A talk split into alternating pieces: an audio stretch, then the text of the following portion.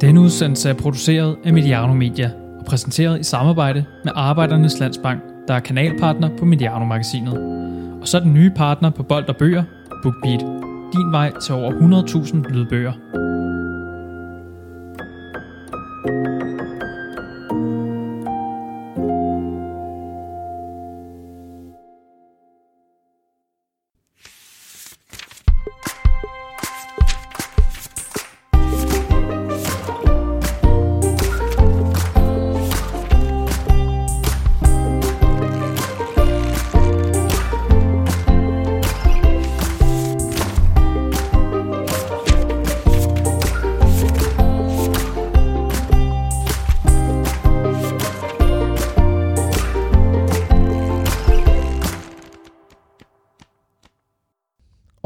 16 måneder. November, december, januar, februar, marts, april, maj, juni, juli, august, september, oktober, november, november, november, november. Sebastian, det er jo en øh, klichéfyldt måde at starte en novemberudsendelse af Bold og Bøger på, men jeg måtte have Henrik Nordbrandt i spil, nu når vi har en bogpodcast her, Mm. Bold og Bøger. Det er, det er, min, det måske det er mit yndlingsdigte, Ja, tror jeg. jeg tror også, det er en af de få, jeg sådan øh, næsten kan fra toppen af hovedet. Ja, øh, og øh, altså antal af gange, jeg er glædet i rådne øh, blade ude på, øh, ude på gaden i de seneste, bare de seneste to dage. Det er simpelthen så mange gange, hvor jeg lige har mistet fodfæstet, Ja. fordi så er der ligget sådan et blad, som på et tidspunkt hang og var grønt op på træerne og var utrolig smukt, og så blev det gyldent og faldt ned, og var stadigvæk smukt faktisk, specielt når det daler ned gennem luften. Men nu ligger det bare og rådner og bliver til væske nede på fortorvet, og jeg glider i det. Og så tænker du på Henrik Nordbrandt, eller hvordan? Ja, det er ikke meget galt. Det ligger jo ligesom sådan underbevidstheden hele tiden. Ikke? Ja. Øh, ej, det er ikke min yndlingsmåned november. Nej, det er, det er heller ikke øh, min, men, øh, men den, den er, det er jo... Øh, det er jo så ikke så koldt for tiden på grund af klimaforandringerne måske. Jeg synes, det er koldt i dag. Ja, det har, det har du ret i, at det Ja. blæser og så videre og så videre. Derfor bruger man jo meget tid indenfor. Og derfor har jeg jo skrevet i mine øh, noter her, at det er en god måned at læse bøger i. Får du læst for tiden? Ja, ja, ja. Jeg, jeg brager afsted. Stadigvæk, du, Ja. du har bare holdt den kørende. Ja, jeg har holdt den kørende længe nu. Øh, Ja. Jeg har holdt op med at til tv-serier stort set. Altså, men øh, men det, det, det har jeg ikke tid til. Men jeg, jeg kører godt med bøgerne, sådan nogenlunde vil jeg sige. Jeg er i gang med at læse en øh, for mig fuldstændig uforståelig fodboldbog, som vi måske vender tilbage til i et senere afsnit. Okay, det, det Som, øh, som, jeg, som, jeg, om. troede, som jeg glæder mig rigtig meget til at læse, og som jeg forløbig ikke har forstået kvæk af. Det rammer du nogle gange ind i de der, synes jeg. Øh, du havde også, øh, det var jo, ej, det var jo måske ikke uforståeligt, men du havde jo din, dit intermezzo med, med, øh, med mor på landsholdet, Ja. som jo også var lidt specielt, og så havde du en, en rigtig dårlig quizbog på et tidspunkt. Du Præcis. Også, øh, Jeg har også en, en rigtig dårlig bog, vi skal tale om senere, men Ja, det, den, den, vender kan vi vi også, det vender vi også tilbage til. Ellers, men ellers er du fuldstændig ret. Øhm, som øh, en anden, ej, vi må, sige, vi må sige knapt så stor digter, Rasmus Nør siger, ja, øh, det er mørkt, når vi står op, og ja. det er mørkt, når vi, mens vi handler ind, bliver det mørkt igen, som man siger i Sommer i Europa. Som er en sang, der ikke rigtig giver nogen mening, fordi hvis det er mørkt og koldt heroppe, så er det altså ikke så meget varmere. Ikke i. Europa. Nej, det er rigtigt. Nej. Men, det, men i hvert fald, det er mørkt hele tiden. Øh, ind for sofaer, tænd nogle lamper, tænd nogle sterillys måske, Mm. tæpper henover, øh, hvis man er den type, og så sidde og læse nogle bøger. Det giver Ja. ikke nogen mening at forsøge at øh, arrangere alle mulige udendørs arrangementer. Det giver ikke nogen mening at øh, løbe ture i mørket, hvor man glider i blade, eller huller, man ikke kan se på vejen over i parken og sådan noget. Bliv indenfor. Ja. Læs nogle bøger. Præcis. Og øh, det er jo noget det, vi skal tale om, at komme med nogle anbefalinger til i den her podcast her. Det er jo Bold og Bøger, vi skal byde velkommen til Medianos månedlige bogmagasin, og som I nok har kunne høre, så er mit navn Martin Davidsen, og jeg sidder, sidder over for min ven og kollega Sebastian Stanbury. Og øh, ja, et af de steder, hvor man kan lytte og læse bøger, det er jo inde på BookBeat, der er vores partner på Bold og Bøger. Så BookBeat, det vil gerne være bøgernes Netflix. Der er over 100.000 bøger. Det er inde på deres app, hvor vi også har en uh, særlig Mediano-kategori med, med bøger, som, uh, som Mediano-redaktionen anbefaler. Og inde på bookbeat.dk-mediano, der kan man få en gratis medlemskab af det her.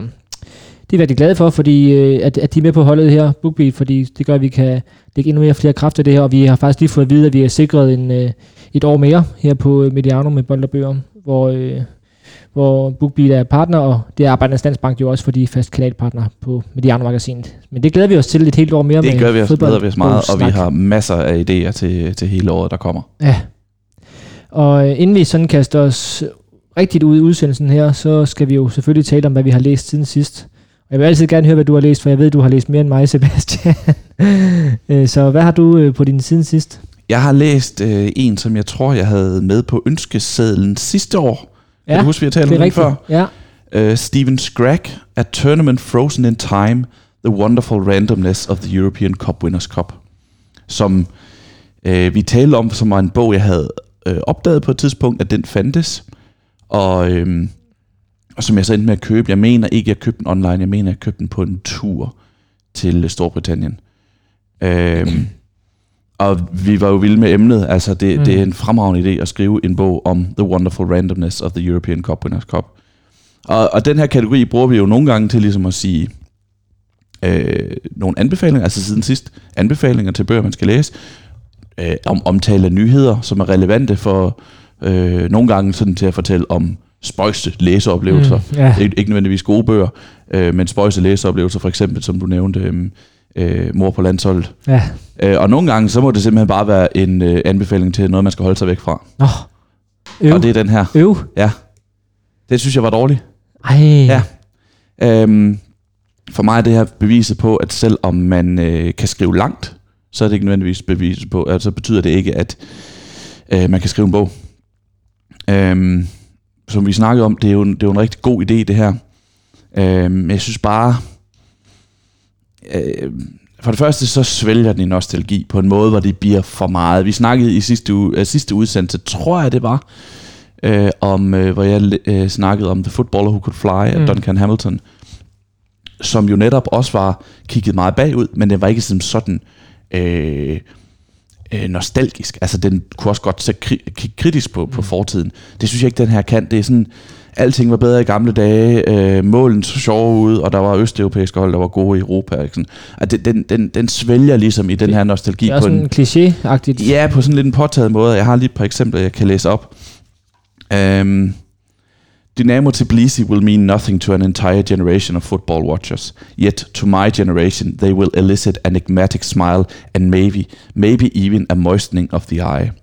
It might sound strange to the uninitiated, but you'd be amazed just how many British football supporters go misty-eyed eyed with joy of, at, at the memory of seeing their team of choice being knocked out of European competition, but what would be referred to as a crack Eastern European outfit. Og det er sådan, det er egentlig meget fint skrevet det her, mm. men øh, jeg tror ikke rigtigt på det. Altså, øh, det, det er sådan lidt sådan fodbold, den påtaget fodboldhipster, der bare er sådan, ja, dengang, Du Prag. ja, uh, her, vi, vi blev slået ud af dem, ikke? Altså, det Ja. passer jo ikke, at folk får tøj i øjnene ved at tænke på Dynamo Tbilisi. Altså, al respekt, det tror jeg bare ikke på. Det er, sådan, det er så påtaget, og endnu værre. Jeg synes netop, at man... Undskyld, men, Ja, ja, but- jamen, jeg synes netop, at den, det forhold, man har til Cup Winners' Cup, det er jo sådan lidt ironisk dis- distanceagtigt. Og det var en sjov og skør turnering. Eller sådan. Det var ikke... Det var ikke jeg kan ikke huske, at jeg har set en Cup Winners' Cup-kamp, hvis jeg sådan skal være ærlig. Også, Nej. det er selvfølgelig, da jeg var barn, men, Ja. men alligevel.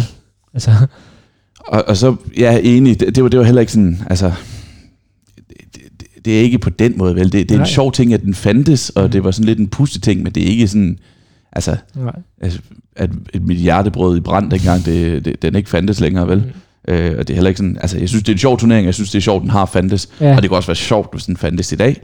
Mm. Øh, den kan ikke Og findes det i er også en sjov bog om... Altså, det er en sjov idé, tænker Det er jeg. en rigtig sjov idé. Øhm, men som sagt, den, den kommer over, hvis jeg lige må læse en ting Ja. mere. Øh, det er sådan, da, da muren falder, hvor de skriver om, øh, stort set. Og, ja, ja, og den, altså den, ja.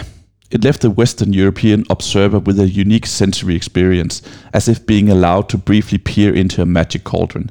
The price of freedom for the shackled populations, populations of many Eastern European nations was a hammer to the blow of the soul of swaths of football hipsters to the west. Så sådan, Rolig. ja, ja, det er sådan, det er sådan lidt, øh, det at, at Østblokken faldt, og en masse kommunistiske diktaturer styrtede, det- var det, var det mest de vesteuropæiske fodboldhipsters, det var synd for? Jeg er ikke, ikke sikker på sådan vægtningen i det der citat, også, altså også selvom der er mest ironisk distance i det. Det synes jeg ikke er sådan helt smagfuldt. Mm, At det var sådan, bare vi, havde, bare vi havde det gamle Østeuropa med alle de kommunistiske regimer endnu, så kunne vi se nogle rigtig sjove kampe i Europakoppen. ja, det, det, det er måske en lille smule upassende. Ja, øhm, og så som sagt, så synes jeg bare, altså min påstand er, at den her bog kan være skrevet ud fra Wikipedia og fra YouTube. Mm. Øh, hvem slog hvem ud med hvor meget og hvornår, og Ja. hvordan var målene scoret i kampen. Og ved du hvad, der ikke er et eneste af i hele den her cita- bog. Nu sagde jeg det næsten. Citater. Citater. Ja. Der, der er ikke et, et eneste citat med i hele Altså er bogen. der ikke sådan en skriftlig kilder? Ikke et eneste. Citat. Okay. Ikke et eneste. 205, også 287 vildt. sider. Uden et citat. Uden et citat fra Og en det- manager. Men bliver ikke refereret, hvad, de, hvad nogen har sagt? Nej. Sådan, okay, det, Altså, det, det er stort det set kunne godt være et greb jo. Ja, det sige, kunne, det, skal ja, det kunne det godt. Det kunne nemlig godt være et greb, men Ja. det er det ikke her. Altså, det, det hele bliver sådan flygtigt og videre til næste hold og næste resultat og næste turnering. Altså, hele pointen med den her bog er jo ligesom, det her var en magisk turnering, med Ja. en speciel turnering, og der var nogle store oplevelser forbundet med dem. Ja, så fortæl, hvorfor det var. Ja, det. så, så stop op, når du når til en kamp. Øh, hvad sagde aktørerne dengang? Hvad, hvad, hvad, hvad, hvad skrev aviserne om de her kampe? Øh, hvordan var det at spille mod Dynamo Tbilisi, som man snakker om? Hvad, hvad betød det for dem? Man kan lave interview i dag og snakke om, hvordan betød det at spille de her kampe i Østeuropa? Hvordan var det at vinde turneringen? Øh, man kunne have interviewet fans, spillere, manager, det hele. Ikke? Det er der bare ikke noget af. Ja, og nu, altså man kan jo også, øh, hvad hedder han, øh, Joachim Jacobsen lavede jo Guldharl, hvor han ikke har nogen øh, nye kilder på, hvor det hele er baseret på skriftlige kilder, men, men så har han dog nogle øjenvidende beretninger, som han kan referere til. Ja. Hvis, altså, det, man kunne have valgt at, at læse nogle aviser fra, fra, øh, fra østeuropæiske medier, eller et eller andet, altså fra de kampe der, og så få nogle stemningsbeskrivelser, og så videre. Præcis. Det. Eller hvis du har det britiske fokus, jamen så nogle, øh, øh, bare nogle engelske aviser. Ja, nogle kammerforretter. Som sagt, hvordan var det at spille mod de der Ty- Dynamo Tbilisi, som han sådan maler helt op, ikke? Ja. Øhm, Det, det er sjovt, du, nu du har de to ting, du har læst op, det her begge to, noget der omkredser det der med øst og vest. Det lyder som om, det er noget, det har betydet meget for at det er den del af det, han har ville. ja, det, det fylder en del, men det er, det er sådan, fordi den er sådan bygget op med kapitler, og så er der lidt om Østeuropa, og så hvordan klarede italienerne sig, og hvordan klarede spanierne sig, og så er der Everton 1985 og sådan noget. Men ja. Okay. altså, jeg, jeg var ikke ret længere ind i den her bog, så er jeg bare sådan, det, den, den skal jeg igennem, for jeg vil godt snakke om den, og jeg vil Mm. mm. godt fortælle om den her. Øh, men det var, jeg vidste, at jeg skulle bare igennem den. Ja. øhm, så jeg kunne blive færdig med den. Der kom en ny, Steven Scragg, han udgav en ny bog, øh, Where the Cool Kids Hung Out, The Chic Years of the UEFA Cup. Noget kom i oktober. Øhm, jeg kunne aldrig drømme om at købe den. Lad det være punktum for at snakke om den bog.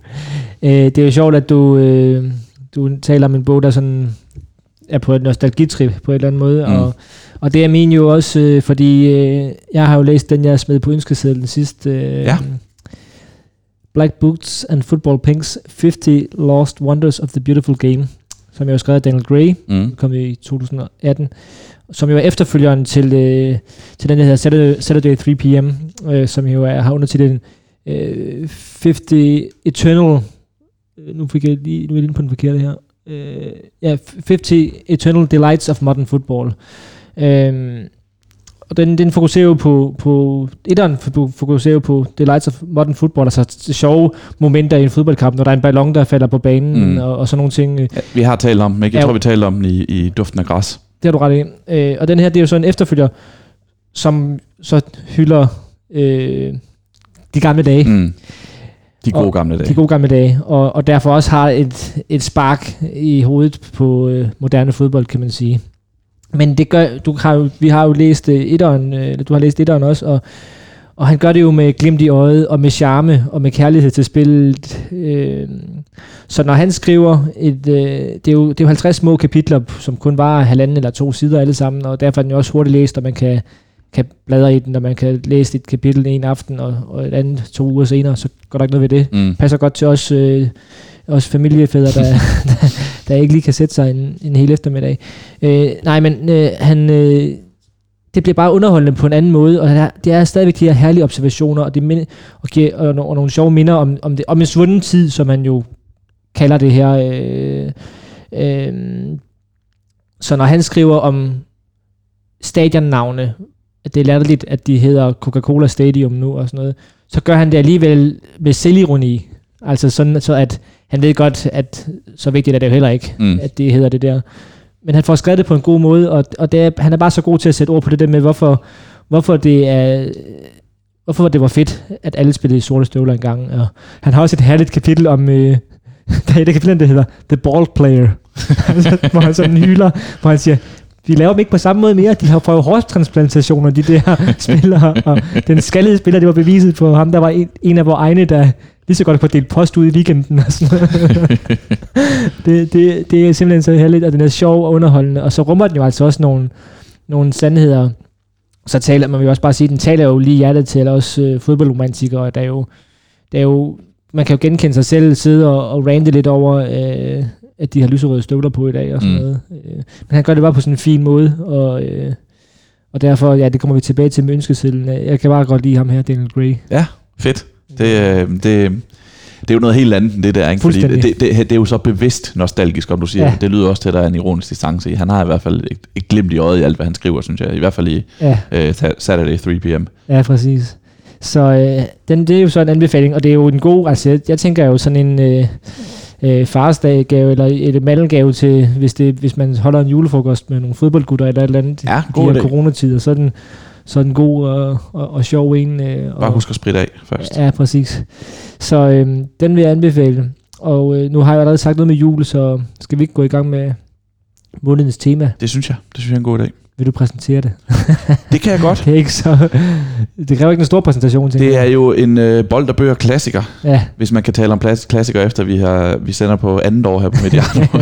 Men vi har også tænkt at gøre det næste år. Ja, og så på den måde, så, er det jo, så får det i hvert fald klassikerstatus i vores, i vores, øh, i vores øh, objek- objektiv. Ja. Øhm, det her er en gennemgang af de danske sportsbøger, danske fodboldbøger, der er blevet udgivet i løbet af, af 2020. Mm. Øhm, Me, altså, så, som, så man kan lige kigge på, hvad skal man på ønskesedlen til jul? Ja. Vi, vi optager lige her sådan midt, øh, midt november. Midt slut november. Ja, det er 19 november i dag. Så... Hvad er det så? Vil du sige, det er midt eller, eller slut november? Jeg vil sige slut november. Okay, hvad er midt november det er så? faktisk. Det er lige på kanten, ja. Så det er en udsendelse, man måske skal bruge på det på et tidspunkt at debattere. jeg tror, det bliver en dårlig udsendelse. Nå, det var mine. Uh, 19 november optager vi i hvert fald. Ja. Og det vil sige, at der er stadig masser af tid til at få skrevet ønskesedler og få sendt dem rundt i cirkulation til alle, der man satser på at få en gave fra. Og der skal selvfølgelig være fodboldbøger på listen i år. Ja. Og det er jo bøger, der er udgivet i 2020, vi har sat fokus på. Øh, og, øh, danske bøger. Danske bøger. Fordi der, det, så bliver vi pludselig blive et uoverskueligt hav, hvis vi skulle øh, nævne alle dem, der var udkommet. Men vi vil også til sidst lige nævne et par udenlandske. Ja, det gør vi til sidst. Mm. Men, øh, men ja, danske bøger, fordi jeg har prøvet sådan at, at prøve Danmark et overblik over, hvad der er udgivet, for eksempel på det engelske marked, og det, det, det, det, det er simpelthen umuligt. ja. de, de sprøjter dem ud, ja. for et godt ord. Men jeg synes også, der har været, der har været, der har også været mange. Ja, hvad nåede vi egentlig op på? Det, det er ikke engang noget fortælle i min øh, forberedelse her, om det var en 10-12 stykker, vi, vi har af danske... 12 tæller jeg det, og det til, jo, og, og vi, vi tror, kalder, vi har dem med. Og vi kalder det jo sådan voksenbøger. Ja. ja. fordi der er jo også, du har jo selv udgivet en børnebog, den, den, den taler vi ikke om her. Vi den har, vi. vi har jo ikke lavet en, en podcast om det, man kan gå ind og høre, men... men det må øh, man også gerne ønske men, sig til jul. Det må man også gerne ud, og, den, og hvad er det nu, den hedder? Øh, Loppen, Elefant, Kongen og de andre fodboldhelte. Ja. Kommer vi til at tale om den alligevel. Ja, nej, men, men, men der er jo, udover den, er der jo også lavet en masse sådan læst letbøger med fodbold og sådan noget. Dem øh, holder vi os fra ja, her. Det, vi tror ikke, at det er dem, vores øh, mm. lyttere øh, selv ønsker sig, og, og det er også et meget, meget, meget større projekt. Altså, det bliver ja, udviklet, er... udviklet, virkelig, mange, udgivet virkelig mange børnebøger om, om fodbold i Danmark også. Ja, og øh, og du har jo så været inde og minutiøst gennemgå nærmest alle udgivede bøger i Danmark for at finde jeg, de 12 jeg tror, vi har dem. Øh, jeg tror, vi har dem. Så det der burde kan, være den komplette liste. Ja, det, det kan sagtens være en svipser ny øh, ja. hister her. Det, det undskylder vi så for. Og så hører vi gerne for det, hvis det er. Ja. Vi har jo prøvet sådan for overblikket skyld og for vores egen sådan forberedelses skyld. Øh, vi kommer ikke til at gå i dybden med alle 12. For det første har vi ikke læst alle 12. Øh, for det andet, så ville det blive en meget, meget, meget lang udsendelse, hvis vi skulle have læst alle sammen og læse, have boguddrag og så videre. Nogle har vi også talt om tidligere, så vi har ligesom udvalgt nogle få, vi vil tale lidt mere om end andre, men vi skal nok få nævnt alle 12. Øhm, og så har jeg jo prøvet sådan lidt, at, om vi kunne proppe dem ned i nogle kategorier eller nogle mm. kasser. Og der er en kategori, vi kan kalde for portrætbøger, hvor det er fokus på enten klubber, spillere, eller der er også de nogle journalister, der har lavet en bog om deres liv. Så har vi en kategori, som vi kalder danske bøger med international fokus. Det ligger lidt i titlen, mm. hvad det handler om. og så en kategori, vi kalder for bøger med, med fokus på et bestemt emne, og det er jo sådan lidt mere... Øh, øh, det er nogen, der ikke rigtig passer i andre kategorier. Jeg skal ikke bare sige det sådan. øh, men skal vi ikke bare kaste os ud i det, Sebastian, og tage dem en af gangen? Øh, det synes jeg. Og starte med på nogle, nogle portrætbøger. Der er øverst på, på, det er jo lidt tilfældigt, hvordan vi lige gennemgår det, men vi, har jo, vi skal jo lige have nævnt fodbolddrømmer, Mm. som jo er biografien om Kasper Julemand, med og om Kasper Julemand, som Morten Glindvad har skrevet, og som vi jo har talt rigtig meget om. Ja, vi lavede en, en, en særskilt udsendelse om den i august, som jeg husker. Mm. Ja. Øhm, men altså det, den synes jeg jo ikke er blevet mindre interessant nu. Altså den, øh, i, i det her uge, hvor vi optager, så var det i går, Kasper Julemand spillede sin, var træner i, for sidste gang i efteråret på det, det der, den første halvsæson med det danske landshold. Og det er jo, det er jo overordentligt interessant, hvordan det er gået, ikke? Øh, og kampen har været interessante. Holdets udtryk har været interessant Ja. at se. Øhm, så øhm, det, det, og det, det, er jo, det er jo den historie, man, hvordan han er endt med at stå i spidsen for landshold, og hvordan det endte med at spille på den måde, det gør. Ja. Det er jo den altså sådan grundlæggende forløb, der er i, i fodbolddrømmer. Ikke? Og- Helt tilbage fra, da han bliver født, Kasper Julemand. Præcis, og nu har vi jo lavet en hel udsendelse om den her bog her, så den kommer vi ikke til at tale så meget om, men vi kan jo godt sige begge to, at det er, en, det er jo så en af de få, vi så til gengæld har læst, Ja. begge to. Ja. Og, øh, og vi synes jo begge to, den er god. ja, ja, det synes jeg er rigtig god. Altså den vil jeg anbefale helt klart, og øh, jeg, jeg vil kalde den som en, øh, en klar kandidat til årets sportsbog, når den skal uddeles af danske sportsjournalister Mm. I 2021. Fordi øh, Morten Glindvad er en dygtig journalist, og har skrevet den på en original måde, og, og, og Kasper Julemand åbner sig op og fortæller om øh, nogle interessante ting i sit liv. Så, øh, så ja, det er en klar anbefaling. Skal, skal vi lige høre en bid fra den? Det synes jeg.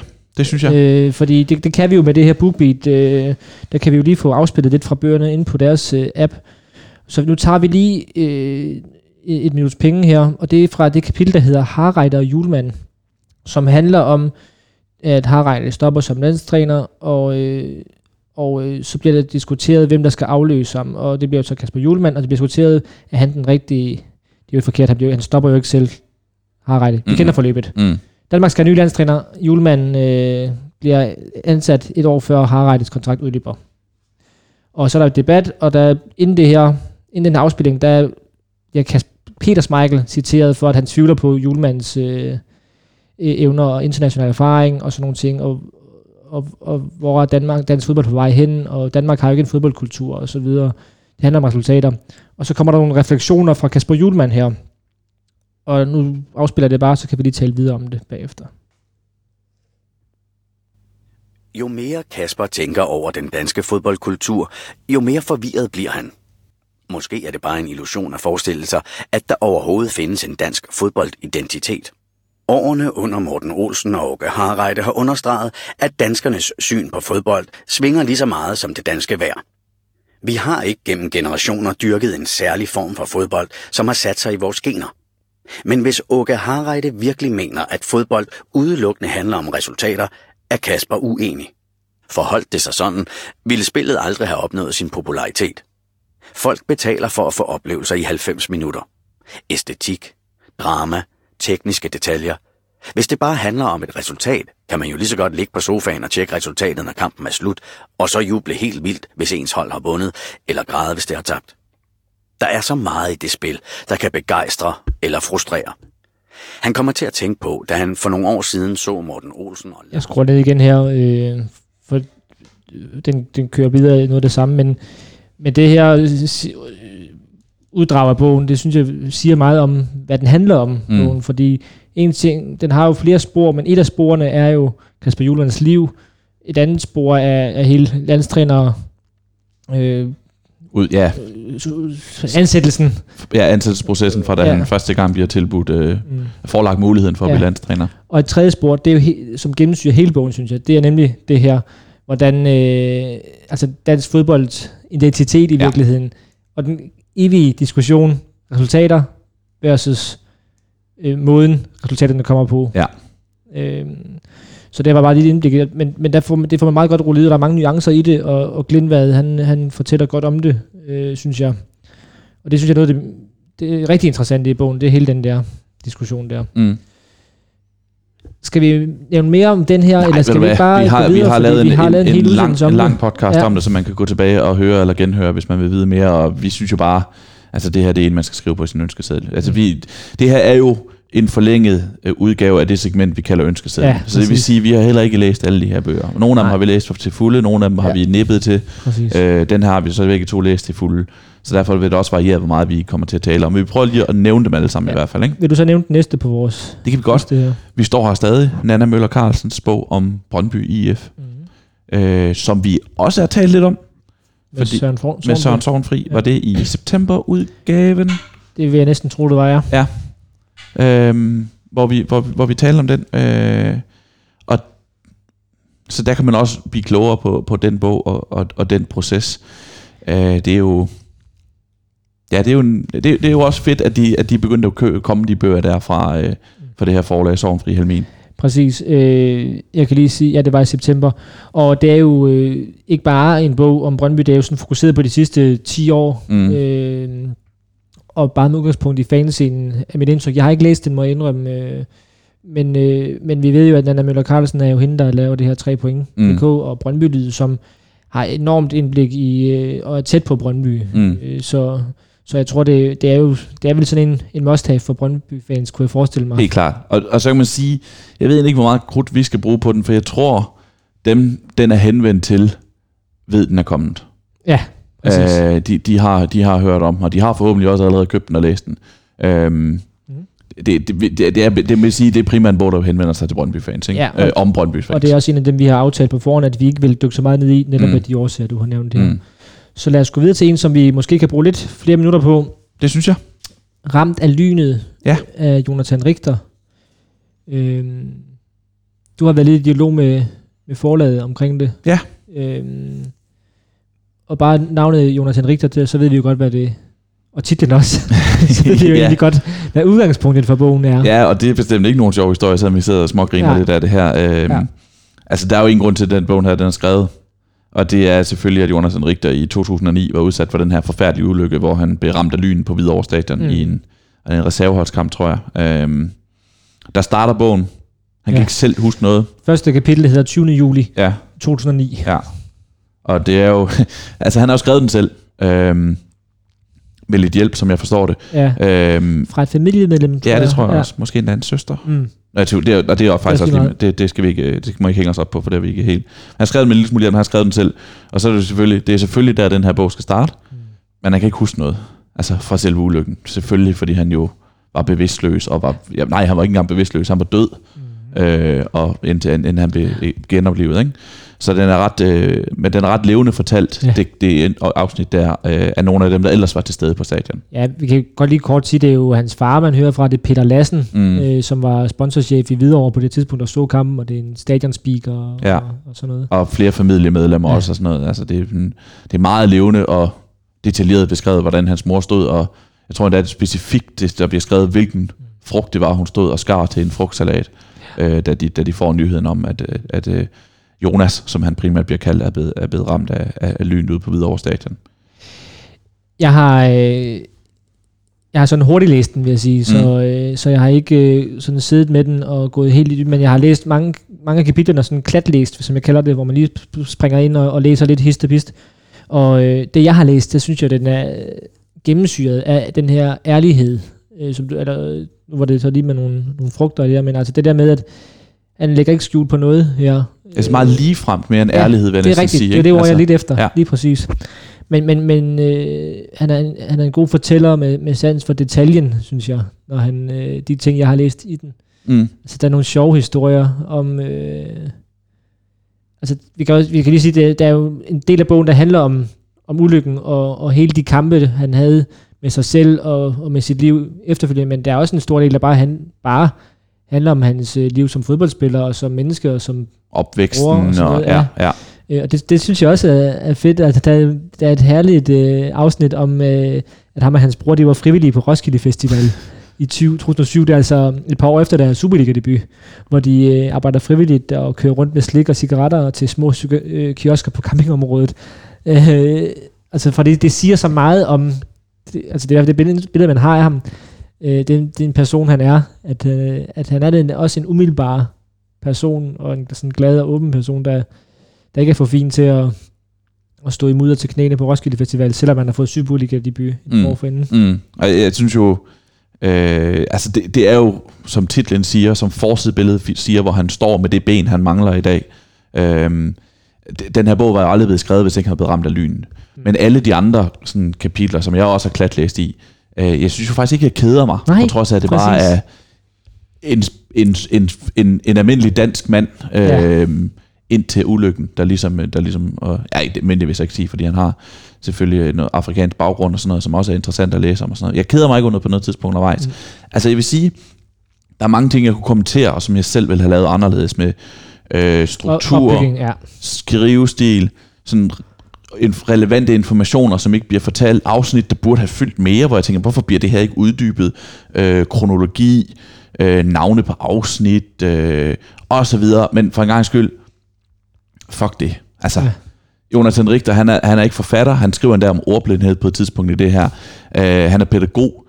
Han har om nogen ret til at fortælle sin historie, som han selv har lyst til. Øh, det har han er fortjent med alt det, han skal være, være igennem. Så jeg synes, det her det er en bog, hvor man ligesom altså, ignorerer, at der er nogle ting, som Ja, kunne være gjort anderledes. og Også fordi jeg synes, at historien kan, kan bære det. Altså, den, historien er så god og så stor, at øh, de der journalistiske virkemidler, som har gjort endnu bedre, de betyder ikke så meget for mig heller nemlig. Altså, Nej, øh, fordi historien kan bære det. Altså, historien i sig selv er god nok til, at den er interessant, på trods af de øh, skønhedspletter, den må have. mm, Øhm,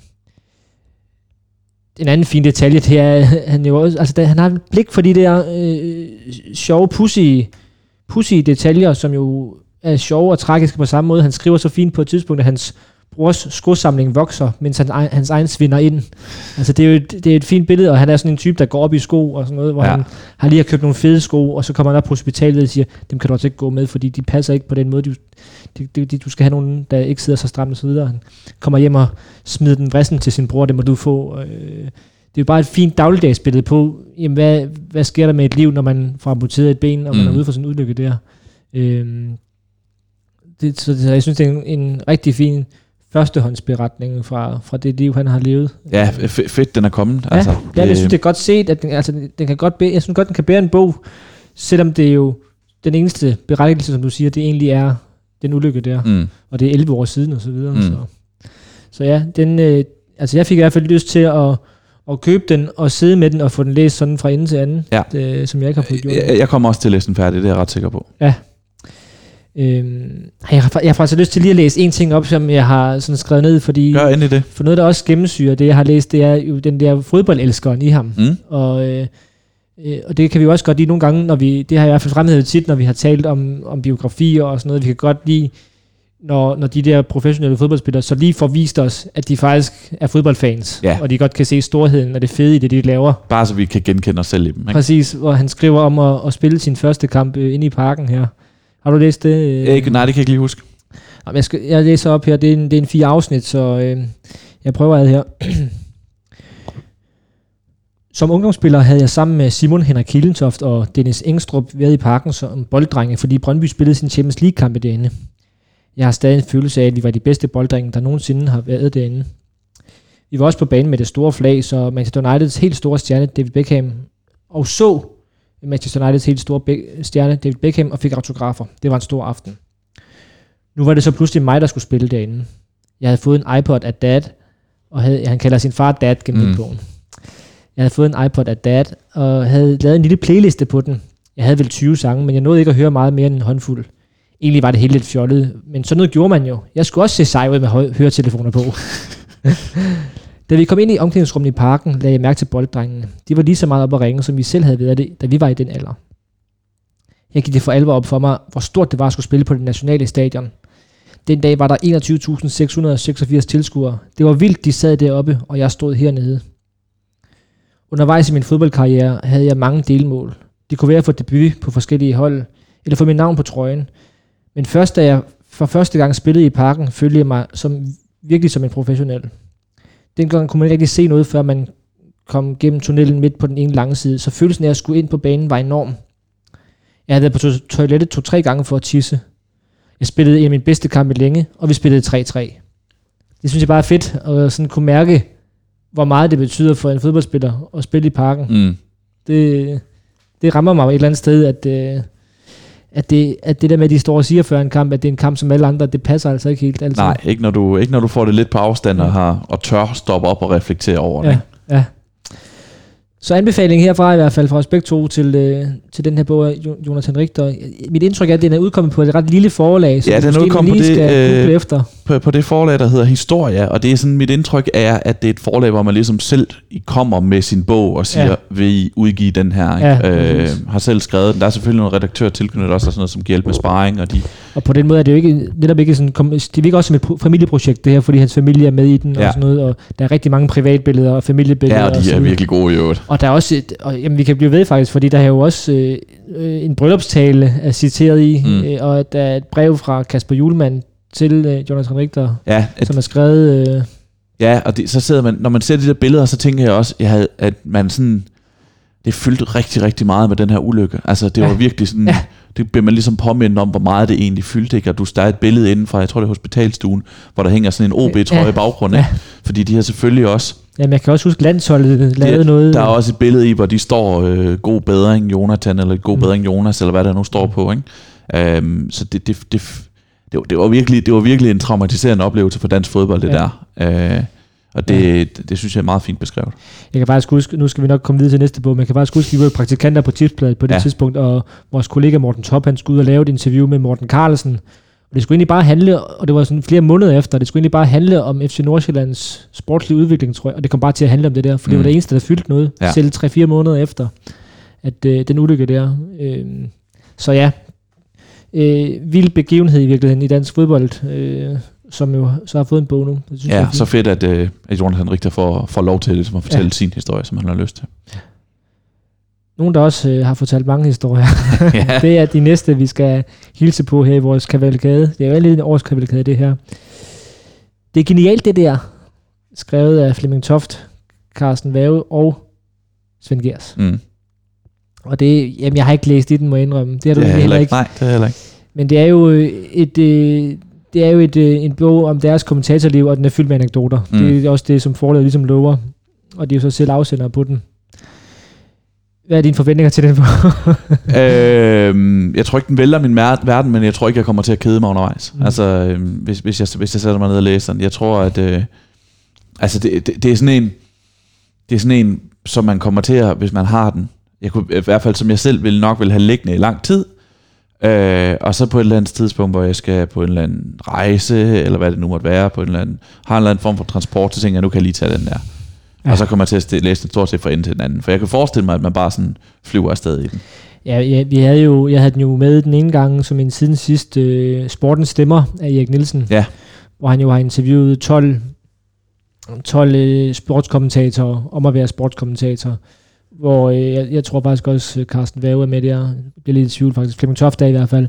Men øh, den talte jeg faktisk ret positivt om, selvom det er sådan en meget let, Mm. fordøjelig bog, så var den jo skide sjov at læse. Ja. Øh, fordi den er fyldt med, med, med anekdoter og røverhistorier og, og så videre. Så, Mm. så det er jo også en, en, en sjov bog, men det, jeg tror ikke, det er en, vi sådan, øh, efter at have læst den, så er jeg blevet vildt meget klogere på, på alle mulige ting. Øh, Nej, men jeg tror, vi er blevet klogere på, klogere på kommentatorlivet. ja, det ikke? tror jeg også. Helt tror jeg sikkert. Også. Helt ja, det, det, det følger ligesom med, og det er jo også noget, der fylder meget. Altså, det, dem, har, dem har vi jo alle sammen et forhold til. Mm, Mm. Øh, specifikt de, de tre herrer, men, herrer her, men også, men også altså, kommentatorerne generelt. Så, så Ja, for det er vel sådan de tre største sådan folkeligt øh, mæssigt, øh, ja. Der har været siden Gunnar nu, øh, som vi jo ikke rigtig har et forhold til nogen af os. Nej. Men altså Svend Gers, øh, Flemming Toft og Carsten Værge, så det er vel nærmest øh, alle, alle fodboldlandskampe fra 1980 og så indtil Kanal 5, de fik øh, rettighederne. ja, det, det, det, det er ikke mange. Det er lige ved at smide Andreas Kravl med i puljen, som en, der ligesom også har kommunikeret fodbold Ja. gennem mange, mange år Ja, på radio nu, og også øh, altså landskampe, ikke? Stået Ja. ja. for dem på. Men, men til, alle de tre her, det er jo kendetegnet Det er ved TV, ja, selvfølgelig, og det- så. ja. Øh, lad, os, øh, lad os gå videre, fordi vi, vi har jo som sagt ikke læst den øh, endnu, den bog der, men den er derude, og, og vil garanteret også øh, ligge under nogle juletræer rundt omkring. Vi kan jo næsten stå de sidste to bøger i den kategori her. De er i hvert fald relevant Sammen. at tale om på samme tid. Ja, det er jo den her kategori, som vi kalder for, øh, for portrætbøger. Og det her det er så om samme klub. Mm. Øh, de bøger her er, er lavet. Det er Liverpool, vi taler om. Det er Liverpool, som øh, har ikke fået ikke bare en, men to danske bøger To danske bøger. i 2020. Ja. Det er øh, Forbandelsen Brudt af Esben Surbal Christensen, Andreas Brøns Riese, og You Never Walked Alone øh, af Carsten Krog og Carsten Gottlieb Johansen. Og ja, det, det, siger, det, det er jo helt, helt vildt. vildt. Det er helt vildt. det er helt vildt. Det, vi, har, det, vi skal tale om 12, 12, øh, 12 fodboldbøger her. Der er kun én klub, der sådan har fået en bog i år. Er to Ja, klubber, der er Brøndby. Ja, ja, Brøndby og så Liverpool. ja, som har fået to. Ja. Det, det, det er bare en enorm fodboldklub, og, og, og folk vil måske også kunne huske, at vi sidste år havde Ja. mentale monstre i Europa. Jeg kom jo til at skrive den på i Ja. vores forberedelse. Det var også Esben Survald Christensen ja. Ja. og Andreas Brøns Riese, som også udgav en Liverpool-bog sidste år. Det er bare så en enorm klub i Danmark, at Mm. det, det er næsten helt umuligt at forstå. De, øh, det, Ja, de har jo det her Redman Family, øh, og, og, som jo er blevet sådan en hel øh, bevægelse nærmest mm. i, i Danmark. Og, og det, det er bare en klub, der har fyldt enormt meget i det land her i, i mange år. ja. Og heldigvis så adskiller de her to bøger sig. Uh, altså, det, det, Sø- Søren Tornfri, han fortalte jo øh, om You Never Walked Alone, Mm. da vi, da vi talte med ham i, i september måned, hvor han fortæller ligesom, at det her det skulle ligesom, hvordan nåede Liverpool hertil. Ja. Øhm, og det, det er jeg sikker på, at de to herrer gør, gør rigtig godt. Og forbandelsen brudt. Vi nævnte øh, mentale monstre Europa sidste øh, Europa, Europa, Europa. Den omtalte vi sidste år. Der sagde jeg, at det er en bog for Liverpool-fans, og ikke andet end det. Mm. Fordi det var sådan en kamp for kamp gennemgang af, Ja. af sidste sæson, øh, som, eller 2018-19 sæson, som er kulmineret med, at øh, Liverpool vandt Champions League, men akkurat ikke vandt mesterskabet. Og, og, og der sagde jeg, at det er for Liverpool-fans.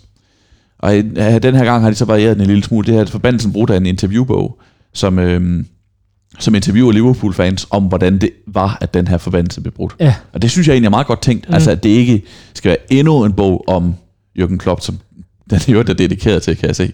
øhm, øh, at, men hvad han har gjort, og Mo Salah er fantastisk, og øh, Ja. hvad betyder det at købe Alisson og, Ja. øh, og Van Dijk og sådan noget. Det, er- det er ligesom dækket af i You Never Walked Alone, men, men så har de ligesom de her mange Liverpool-fans. Hvad betød det så for det der mesterskab i, i hus efter, ja, hvad blev det, 30 års 30 år, pause? ja. Ikke? Øh, det, det, det, jeg, jeg synes ret godt tænkt, ikke at lave en toer, den de lavede sidste år, Ja. men, at, men at bryde den op på den der måde. Mm. Ja, og det, nu, jeg var lige til lige at se den der Redman Family, som jeg taler om, det, det er jo, altså nu, Facebook er jo den valuta, vi regner popularitet i Mm. mm. i dag. Der er 28.000, der, der synes godt om en dansk Liverpool-side. Ja. det, det er jo... Og det, kan, det er næppe den eneste danske Liverpool-side. Det tager jeg næsten spå, ikke? Mm, mm. Øh, nu skulle vi jo netop ikke snakke om alle de engelske, men altså, det her, det er bla, altså, de to danske, det er ingenting i forhold til, hvor mange Liverpool ud, ud, øh, Mm. der er udgivet på engelsk i, Ja. i år, også fordi de vandt det første mesterskab i, i, i tre årtier, ikke? Ja. Så en enorm klub, og, Ja. og helt vildt. At, og det, der er jo, der er jo, de er jo skrevet Liverpool-bøger tidligere. Mm. Der er ja, det er ikke fordi, skrevet- det er bare nogen, der har tænkt, ah, nu, jeg har faktisk en bog i mig. Nej, nej, nej. De har, det har de allerede. Ja, ja, ja. Altså, der er mange, der, der er jo tidligere Liverpool-bøger også. Var der en, der hed De Røde og De Døde, tror jeg, Ja, det hed. ja. Øh, og der var også øh, Liverpool i blodet, tror Ja, jeg, den hed, den som, vi, tal, som vi ja. har talt om i forbindelse med Champions League-finalen sidste Det er år. rigtigt. Altså, de, de vælter ud i de danske Liverpool-bøger. Ja. Det, det er ret fascinerende. Ja, det er det. Det er jo, det er jo vi, vi kommer ikke til, det er for, det er for, vi kommer til at sortere for mange lyttere fra, tror jeg, hvis vi lavede en hel udsendelse kun om danske Liverpool-bøger, men der vil faktisk være stof til det. Ja, det, det vil der helt sikkert. Øh, og så vil vi måske få nogle nye lyttere ind, fordi der er jo tydeligvis et marked for at skrive bøger Ja, til det- de der Det er Liverpool-fans. rigtigt. Det er selvfølgelig rigtigt. Øh, lad, os, lad det ligge ved det, ikke også? Jo, det synes jeg. Og gå videre til den kategori, vi har kaldt for danske bøger med international fokus. Mm, Der kunne Liverpool-bøgerne jo også ligge, for det er jo en international klub. I den grad. Men det her, det er jo sådan øh, nogle lidt mere øh, brede emner, hvis vi kan sige det sådan. Øh, og så alligevel for den første, som vi, og som er den, vi vil gå i dybden med mm. I den kategori her, det er den, der hedder Halvguderne, som er skrevet af Christian Nørgaard Larsen. Og jeg mener, den udkommer på Byens Forlag. Ja, det er en bog om ja, italiensk, øh, italiensk fodboldshistorie. Ja. Øh, det er en relativt kort bog, 200 sider, Mm, øh, som jo så skal fagne øh, ja, 100 års øh, fodboldhistorie næsten. mm.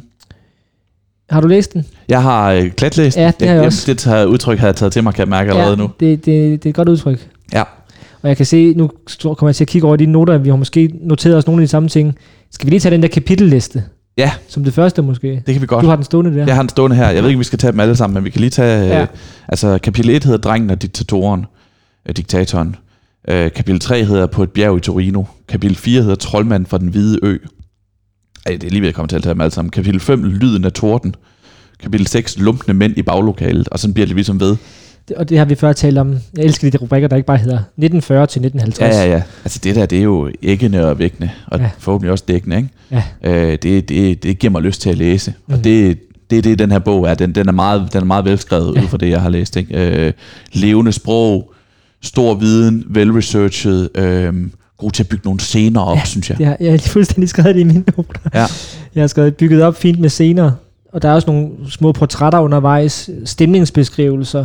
Han har nemlig læst nogle øh, aviser og bøger og så videre, Ja, som vi, man sagt, kan har, vi sagt, citere fra. har, har vi sagt forfatteren, ja, det har sagt Christian Nørgaard Larsen, han er jo, ja. han er jo journalist på Berlinske, Mm. øh, og, og det kan man godt, man kan godt se, at det er en, det er en, det er en dreven fortæller, der, der, der fortæller videre her i den her bog, ikke? synes jeg. Og så er den, skrevet med, altså den er jo skrevet med, med oprigtig kærlighed her. Altså det er en, der elsker italiensk fodbold, tænker jeg, siden han har ligesom tænkt, jeg vil gerne lave en bog om det her. He- så, helt så klart. han har ikke bare lavet den, fordi øh, der er nogen af de prikker ham på skulderen og bedt om at lave noget om italiensk fodbold. Det er tydeligvis noget, som han har haft en idé om, og synes kunne være fedt at skrive om. Helt sikkert, og jeg tror heller ikke, øh, min formodning er, at den er ikke skrevet, fordi der stod og manglede penge på kontoen, vel? Nej, Altså, det, var ikke, det er ikke et, det er et Conor Morte-projekt, for Ja. nu at tage den på, på, på sproget, ikke? Øh, han skriver, har også en fin prolog, hvor han ligesom skriver om sit forhold til italiensk fodbold, Mm. øh, hvordan det startede med, øh, med VM og øh, i Italien, og, og den første trøje nede på, jeg tror det er Mallorca, mm. man køber sådan en af de klassiske souvenirtrøjer dernede, ikke? Så er der også et forår, der er skrevet af Claus Berggren, ja, så bliver det ikke mere italiensk som i Danmark. handler ligesom om Claus Berggren, som, Claus Berggren, som det handler om italiensk fodbold. Det er jo, det er jo vi er jo begejstrede for. Ja. Du og jeg er store Berggren-fans. Ja, for at sige, vi er store fans af Claus Berggrens måde at tale om fodbold og sig selv på. Ja, præcis. uh, så meget godt set. Også fordi han, ja ja. ja det har jeg jo altid ment, at han er, ham og Rolf Sørensen, det er de Ja. ja. mest italienske danskere, vi Ja. ja. har. fuldstændig enig. Uh, så så det, det er perfekt, at det er ham, der skriver forordet til den her Ja. ja. bog. Um, Og det virker også til, at Claus Berggren, han, det, det virker ikke til, at han siger nej til ret mange ting, der handler om italiensk fodbold. Nej. Altså, det, ja, fordi han elsker også landet, ja, ikke? præcis. og det er jo fedt. Øh, så jamen, det lyder til, at vi, vi har læst nogle af de samme ting, og, og vi kan jo lige sige, at den, nu de der kapitler der, de afslører jo så ikke så meget om, det er nemlig øh, æggene, Mm. men den er jo faktisk en kronologisk, det starter jo i, i, i 1920'erne, Ja, og kører frem til 2020.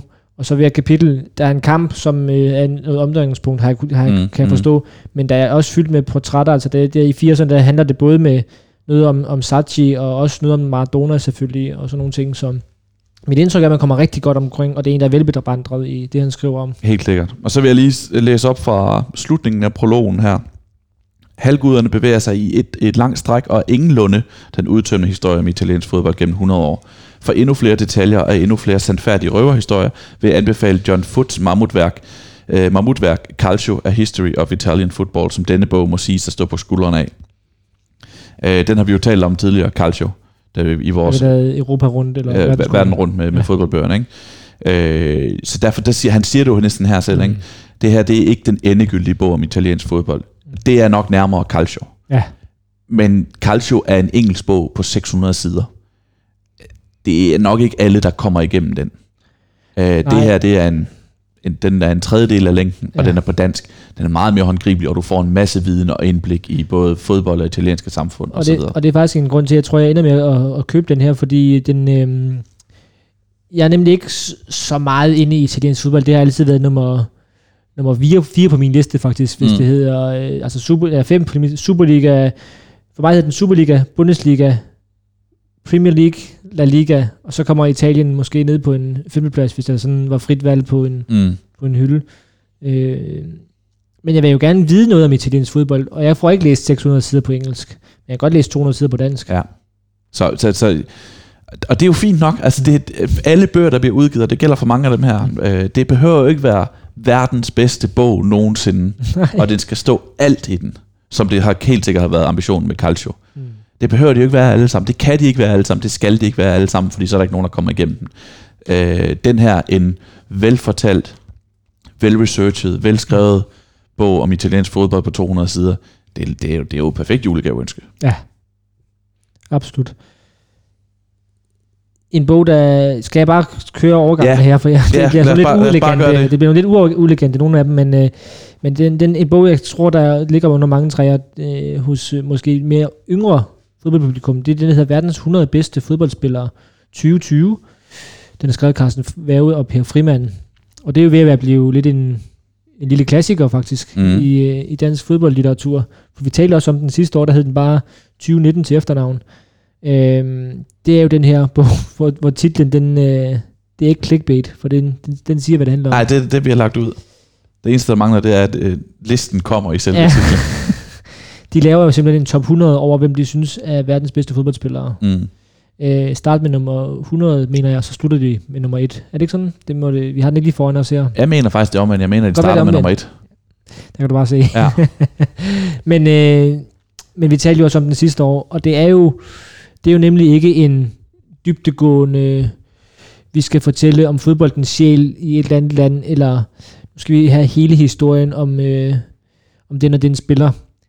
Det er jo, som den titlen øh, fortæller, en top 100, og det er to populære fodboldfamilier, Mm. to rigtig dygtige fodboldfamilier, Frimand og Væve, der, der har lavet den. Har du nogensinde sådan læ- siddet, siddet dernede og læst nogle af de der? Ja, det har jeg. Uh, jeg tror, vi talte også om den sidste år, uh, og som siger, det er nok primært, altså det, vi kan jo sammenhænge sagtens læse den, men det er nok mere lidt yngre publikum end os, ikke? Ja. Uh, de, er jo, de er jo fint skrevet alle sammen, og det, uh, det er jo sjovt, at konceptet, altså, Ja.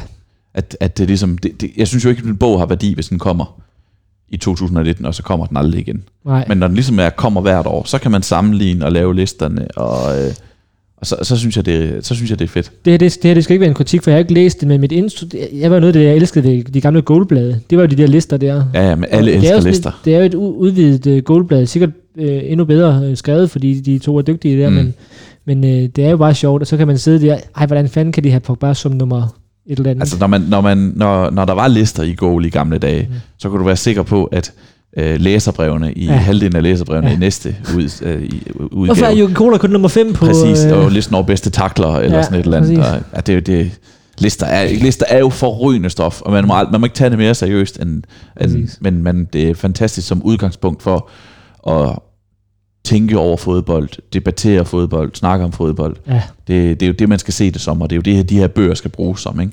Øh, det er jo ikke den endegyldige sandhed, uanset hvor dygtige de to herrer så end er. Det er, det, det er et oplæg til debat om den sportsgren, vi alle sammen elsker. Ja, lige nok det. Og den næste bog, vi skal tale om, det er også en liste. Det er også en liste. Historiens 100 bedste fodboldspillere. Det er, det er næsten samme til, ja, ja. bare med historien i stedet for verdens, ikke? Og, og slet 2020 som efternavn, som du siger. Ja, og det den er skrevet af Torm Åkær, Ja. som er jo er en øh, navnkundig person i dansk fodbold. Han, øh, han var en overgang øh, scout for Manchester United, Mm. og fra Hamburg har han vist også... Det mener jeg bestemt ja. også. Han havde i, i endnu tidligere havde han øh, en hjemmeside, der hed DK Elite, der handlede om, øh, om dansk, øh, Ungdomsfodbold. dansk ungdomsfodbold, som var øh, meget aktiv for Mm. efter mange år siden, Ja. da det lukkede ned og sådan noget, men en meget fin hjemmeside på den tidspunkt, den brugte jeg meget. Ja, det er rigtigt. Meget... Øh, man fik faktisk stort indblik i, i ungdomsfodbold ved at læse i også resultater, og hvem havde scoret, og hvem spillede, og alt sådan Mm, noget. og det, der var sådan, jeg har faktisk gemt nogle af dem. Jeg har printet nogle af de der artikler ud dengang, fordi det er sådan tidlige interviews med Christian Eriksen, skrevet Ja. over MSN Messenger, forestiller jeg mig, eller noget af den stil. Altså helt tydeligt skrevet, øh, Ja, øh, foretaget på skrift og sådan noget. Det, ja. Og som så bare blev copy-pastet ind. ja, ja, ja. Ja. Øh, jeg har ikke læst den her. Det var dig, der gravede den frem. Jeg vidste ikke, den var udkommet. Nej, den, den, den, ja, den er, jeg tror, den er udkommet. Det var, det var i hvert fald lige i disse uger, den stod til at skulle udkomme. Øh, Jeg tror, jeg har den faktisk lige her foran 23. 11. Så det er lige om et par dage her Mm. fra optagelses, Mm. hvor den udkommer. Øhm, ja, hvad skal, hvad skal Hvad kan vi sige om den nu? Ja. vi skal ikke anmelde bøger, vi ikke har læst. Jeg, jeg undrer mig en lille smule over øhm, prioriteringen her. Tom, Tom, Auk, han skriver også, at når man i materialet, så får man at vide, at udover, altså det er hans prioriterede liste over historiens bedste 100 fodboldspillere, så han har også lavet lister. Og så får du, i bogen vil du ud over historien over de 100 bedste, en videre kunne læse, hvordan Torben Auk fejlvurderet Luis Suarez, om dengang han vandt over Ryan Giggs i en spisekonkurrence, da han drak rødvin med Sir Alex Ferguson, og da han i den grad dummede sig på de sociale medier.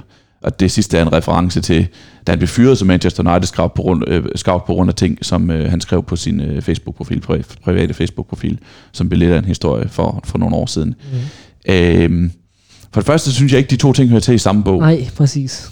Og for det andet, så synes jeg faktisk, det er det sidste, der er mest interessant. Ja. Jeg synes, det er det, ja. som Torben Aukær, som har et langt, langt liv i fodboldens verden efterhånden. Hvis han skal skrive en bog, så synes jeg, det skal handle udelukkende om det sidste. Jeg, jeg, er, faktisk, jeg er faktisk ligeglad, om han har Pelé eller Maradona øverst på listen, Mm. øh, uden at vide, om de overhovedet... Hvor, Ja, jeg hvor vil gerne høre de andre sig. ting, det men, lyder men, men de andre lyder da øh, mere interessant. Ja. Altså, hvis han, hvis han kan sætte sig ned og sådan Ja, han kunne, fortælle han kunne også detaljeret fortælle, om, Ja. om det der liv som Ja. ja. scout, og, Præcis. og hvem man opdagede, hvem opdagede man ikke, og hvorfor gjorde man det, og anekdoter undervejs, og hvad er det for en tilværelse og sådan noget. Ja, for vi kender ham jo også som en, der netop har nogle holdninger til, øh, Det til hvordan, man siges. ser, hvordan man omtaler talenter i dansk fodbold, for eksempel, ja. Ja. og hvordan man ser på talentudvikling i dansk fodbold, og, og så videre. Så øh, det, det, det kunne være, at, at ja, nu ved jeg ikke, hvordan fordelingen er, hvor meget af bogen, der handler om det ene og det andet, men øh, det må vi vente og se. Jeg synes, det skulle have været bogen, Mm. men må jeg sige. Lad os øh, køre videre i teksten her. Vi, nogle går vi jo lidt øh, hurtigere over end andre, og, øh, og når vi sådan lige får sagt, at vi ikke har læst bogen, så er det jo blandt andet, fordi nogle af dem ikke er udkommet endnu. Og fordi det er ønskesedler. fordi det er ønskesedler. Øh, det næste, vi, vi lige vil omtale her, det er den, der hedder Hvor svært kan det være? Som er skrevet af Dan Hammer og Mads Davidsen. Dan Hammer, som jo i talende stund står 5 Nogle- meter fra dig, så Ja. er bare med en væg, imellem jer, for de er i gang med at optage, øh, her på Mediano er de i gang med at optage fodbold for, for voksne. Og Dan Hammer er jo kendt øh, blandt andet her for Mediano, men også fordi han øh, er tidligere øh, direktør i Parken Sport og Entertainment, mm. Selskabet bag FC København. Mads Davidsen er jo fodboldtræner, fodboldleder, fodboldrådgiver. Han er i dag i en saudiarabisk klub Mm. som øh, sportsdirektør. Mm. Så kigger undrende på dig, hver gang jeg siger et ord nu. Men, øh, men det, folk ved godt, hvem de er. Mm. Og, øh, og jeg kan lige sige, der kommer en udsendelse på Mediano i næste uge. Vi taler her den 19. november. Øh, hvor Mads Davidsen og den hammer medvirker og fortæller om den bog her. Så der kommer jeg til at gå rigtig meget i dybden med den. Mm. Og der er jo også blevet slået trum, på trummen for den inde på, på Twitter af både Mads og, Og på Facebook, og ja, Dan. Ja. for, for der, på deres øh, respektive profiler. Mm. Og det handler jo om fodboldledelse. Ja. Så der er jo nok ikke så meget græs i, eller hvad tænker du? Øh, det er spændende. Jeg har, jeg har ikke kigget på den. Øh, jeg har faktisk lige fået et eksemplar, der ligger på min mail. Mm. Øh, men jeg har ikke nået at, at bladre i det endnu. Så lad, sådan- lad være at gå ned i den, i den dybere vurdering af det. Jeg vil, jeg vil bare sige, øh, det er to personer, som jeg betragter som overordentligt kompetente Præcis. på det her område, og som, ja, udover at jeg kender deres kompetencer, som er øh, meget interessante, fordi de går i vidt forskellige grene. Den ene er ligesom den, den kommercielle del, hvordan driver man for, forretningen, en fodboldklub, og den anden er den sportslige del, hvordan bygger man det bedst muligt op, sådan rent sportsligt. Øh, det er selvfølgelig først med Dan, med Dan Hammer, og den anden øh, Mads Davidsen. Ikke? Øh, jeg har tillid til, at de ved, hvad de snakker om, og jeg har også tillid til, at de kan finde ud af at formidle det. Jeg synes begge to, det er hvad enten det er podcast, eller interview, eller ting, de skriver, øh, så synes jeg altid, de kommunikerer rigtig godt og meget tydeligt omkring de ting, de ved noget om. Man bliver simpelthen klogere af at lytte til dem. Og det er jeg sikker på, at man også gør i den her bog. Lige nøjagtigt. De er virkelig dygtige formidlere begge to, og man, man ved, at de har forstand på det, de, de taler om, fordi de har været i det begge to. Og, og jeg synes også, at begge to har jo så, det er jo også interessant for begge to, netop når vi snakker gode formidlere, at de, de jo begge to har en, har en, en baggrund øh, i, i fodboldens verden, men begge to har også øh, kommunikations- eller journalistuddannelser, mm. Eller i hvert fald journalistisk erfaring. Jeg ved faktisk ikke, om Mads han er uddannet, Det ved jeg ikke, men, men, han, men har, han har fald arbejdet som, som journalist, Ja. ja. øh, blandt andet på Tipsbladet. været på Tipsbladet. Dan Hammer har også skrevet artikler til Tipsbladet i gamle Ja. dage. Så det er jo nogen, der kan finde ud af at, øh, at formulere sig. Øh, og begge to har også udgivet bøger, bøger før. Gode bøger. Mads Davidsen lavede den her talent forpligter sammen med Helle Hedegaard Hein, som jeg har læst en del af, og som jeg synes er rigtig god. Og den har jo lavet øh, Ståle, øh, en, vi er hinandens lykkesmed, hedder mm. den. Mm, Den første biografi, der blev lavet om Ståle Solbakken, Mm. som også er rigtig god, synes mm. jeg. Så jeg glæder mig faktisk rigtig meget til at læse den her, også fordi det her ledelse i fodbold og, og sådan fodbold i et strategisk perspektiv, det er jo noget, der, der sådan fylder mere og mere i fodbolddebatten, synes jeg, og som jeg også selv er blevet mere og mere sådan interesseret i, fordi vi efterhånden godt ved, at, øh, at de kampe, der bliver vundet på græsset, jamen de bliver egentlig, øh, der bliver forarbejdet lavet et andet sted. De går heller ikke og putter med deres meninger, de to. Nej, præcis. Altså, jeg er ikke... øh, Jeg, jeg, jeg, jeg, jeg har en formodning om, at de siger, hvad de mener, og også de ting, der de ikke mener, bliver gjort rigtigt. Øh, ja, de sådan- pakker det ikke ind. Det er Nej, rigtigt. Mm. Altså det, det, det er to, der, der står ved de holdninger, de har, og ikke er bange for at sige dem. Det, det ved alle, der har, der har lyttet til dem i podcast, eller, eller følger dem på, Ja. på sociale medier. Mm. finde den udsendelse på Mediano, når den kommer her i, i næste uge. Jeg tror, det, er, det er garanteret Peter Brygman, der skal interviewe dem. Det er faktisk lidt, det er jeg egentlig ikke i tvivl om. Det, det må være ham. men øh, men øh, der kommer mere om den bog, øh, bog der. Den næste bog, vi lige vil fremhæve her i vores øh, kavalkade, den hedder Manden i buret. Den er skrevet Ole Skjoldhøj. Og øh, den handler om øh, målmandens spillet og målmandens rolle. Og det synes jeg er interessant, fordi øh, det har jeg selv skrevet på ham på et tidspunkt øh, den hedder så bare Målmand. Der har, øh, der har Ole der lavet en, en lidt øh, mere original titel. Øh, det er en... Øh, jeg har, ikke læst, jeg har heller ikke læst den her til ende. Øh, 426 sider lang bog. 28 kapitler. Og øh, den skal ligesom fagne fodboldmålmandens historie lige fra 1860'erne og frem til i dag. Øhm, og man kan sige, for, forsiden den er også med Peter Schmeichel og med Tony Schumacher og et par andre. Leviasin tror jeg den ene er. Øhm, undertitlen er Målmænd, historie og fodboldkultur. Og det er jo en bog, jeg, jeg synes er interessant, fordi i og med, jeg også selv har skrevet, men målmandens rolle er jo bare fascinerende. Vi har jo alt, det, det er jo bare en speciel Mm. rolle, og med mange spøjse og mærkelige karakterer, der har stået ind i det mål der gennem årene, så jeg er sikker på, at den er fyldt med, med, øh, med interessante historier. Helt sikkert. Og Du har klatlæst, siger du? jeg har klatlæst, øh, og Ole, man kan lige sige, Ole Skjoldhøj, han er også en erfaren øh, øh, journalist og forfatter, han er 71 år, han har også lavet bøger om Tour de France, så han er også en, der har styr på det, Mm. i forhold til at øh, bygge op og, og fortælle historier. Og så er han jo gået grundigt til værks. Altså vi kommer omkring, du, du havde den også lige åben her, og, vi, og jeg kan også selv øh, øh, bare læse noget af det op, der står i forlagsbeskrivelsen. Øh, altså vi kommer omkring alle mulige øh, målmænd, der har præget verdenshistorien i, i fodboldens verden. Rio Kalle, som I også har talt om, der er pynt i, i en halv med redaktionen, ikke også? Øh, hvad hedder han? Øh, ham der Fatty Falk, ham den meget tykke, korpulente engelske, Who ate all the pies? præcis, målmand. William øh, Fatty Folk, ja. Sofus i Antwerpen og og så videre og så videre. Øhm, og han, han, han har styr på sin historie, og, men den, den, den, er også, den vil jo også rigtig meget, når det er hele målmandshistorien, og han vil nærmest gerne ind på, på alle, alle, øhm, alle målmænd og alle særlige anekdoter. Så her har vi tale om en, der gerne har vil lave øh, verdens bedste Mm. bog om målmænd. Mm.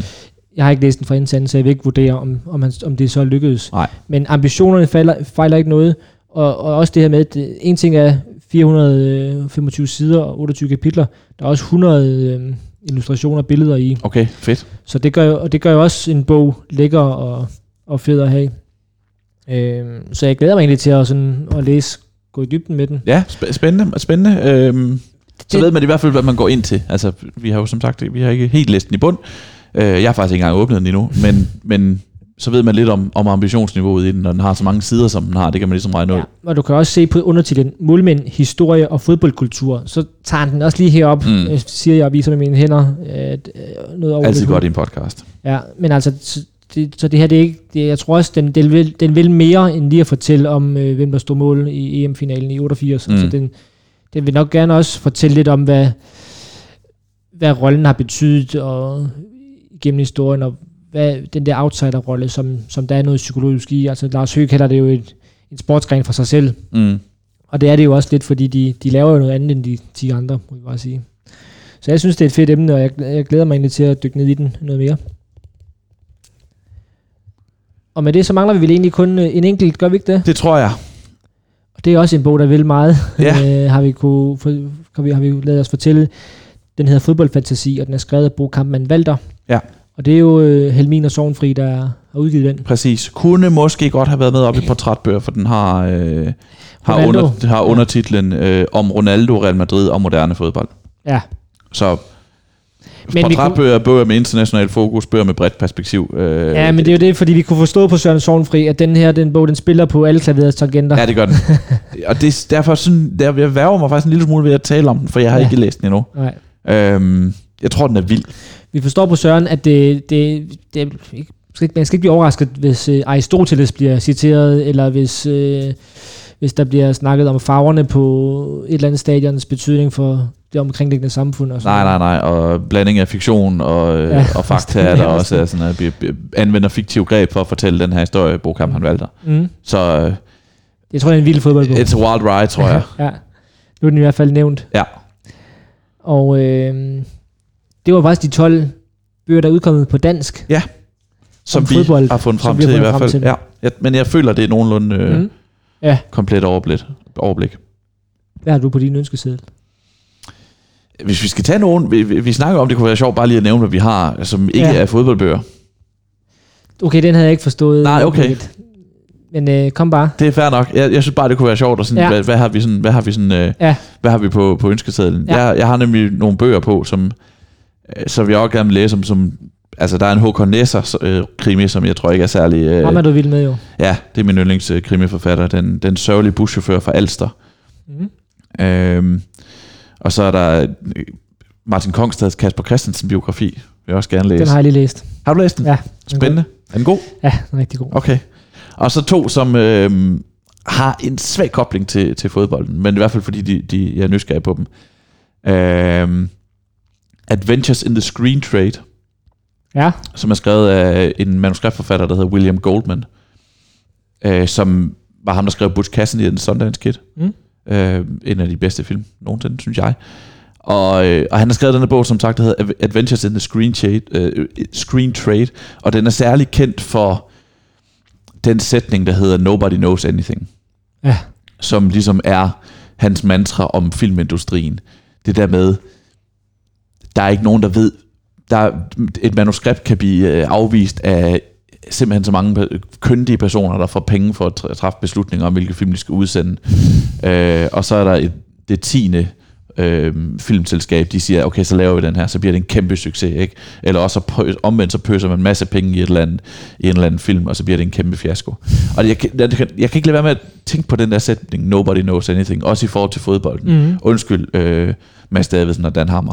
Men hvor mange, hvor mange ting, der ligesom sker i fodboldens verden, Mm. som, øh, Ja. som også er en tilfældighed. Altså, jeg, jeg, jeg vil gerne læse den for ligesom at se, om, om jeg kan lave nogle koblinger og, og, og bruge de der ting, der står om filmindustrien også i fodboldsporten. Fordi for mange eksempler har vi ikke set, øh, set på en spiller, der er en kæmpe stjerne i en klub, og så skifter han til en anden klub, og det ligner et perfekt match, og så går det bare helt galt. Mm.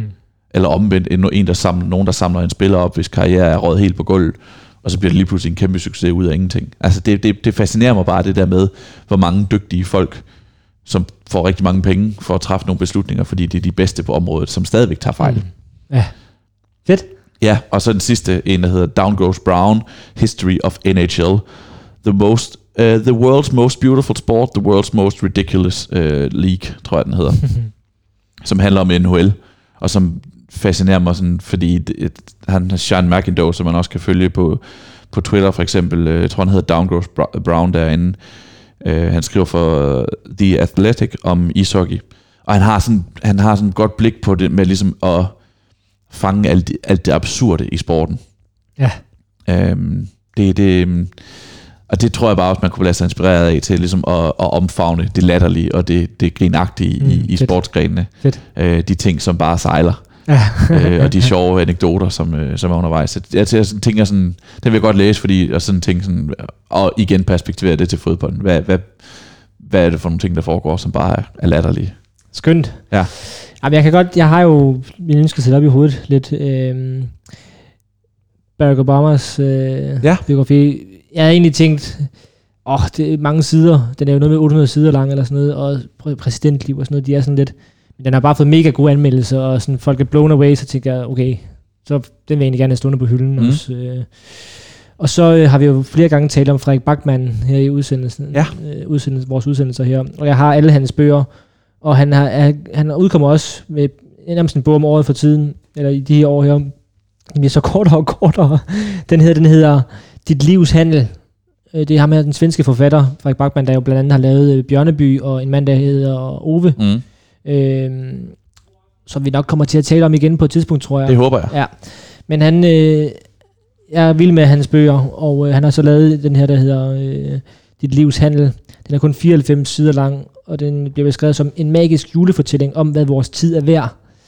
Med humor og medfølelse minder Frederik Bachmann os om, at livet er en flygtig gave, og at vores aftryk i verden afhænger af, hvordan vi deler den gave med dem, vi elsker. Mm. Og det, det, det allerede der, det er sådan meget Bachmannsk. Øh, og nogle af hans bøger er lidt fjollede, og nogle af dem er ikke lige så sjove som de andre. Jeg kan bare helt grundlæggende godt lide hans forfatterskab, og derfor vil jeg bare have den, så jeg Mm. har alle hans bøger. Ja, ja, det, samlinger i samlingen er, er noget af det bedste. Præcis. Øhm, de, det er de to, der sådan ikke har noget med fodbold at gøre, som jeg gerne vil have. Mm. Jeg havde også Kasper Christensen på min ønskeseddel. Den har jeg fået i sådan en efterårsgave af min hustru. Så den, Ej, hvor sødt af hende. ja, den øh, er jeg meget glad for, og den, øh, den var rigtig god. Den blev hurtigt læst, vil. Ja. jeg sige. En, det er også en vild bog. og, og fedt fortalt.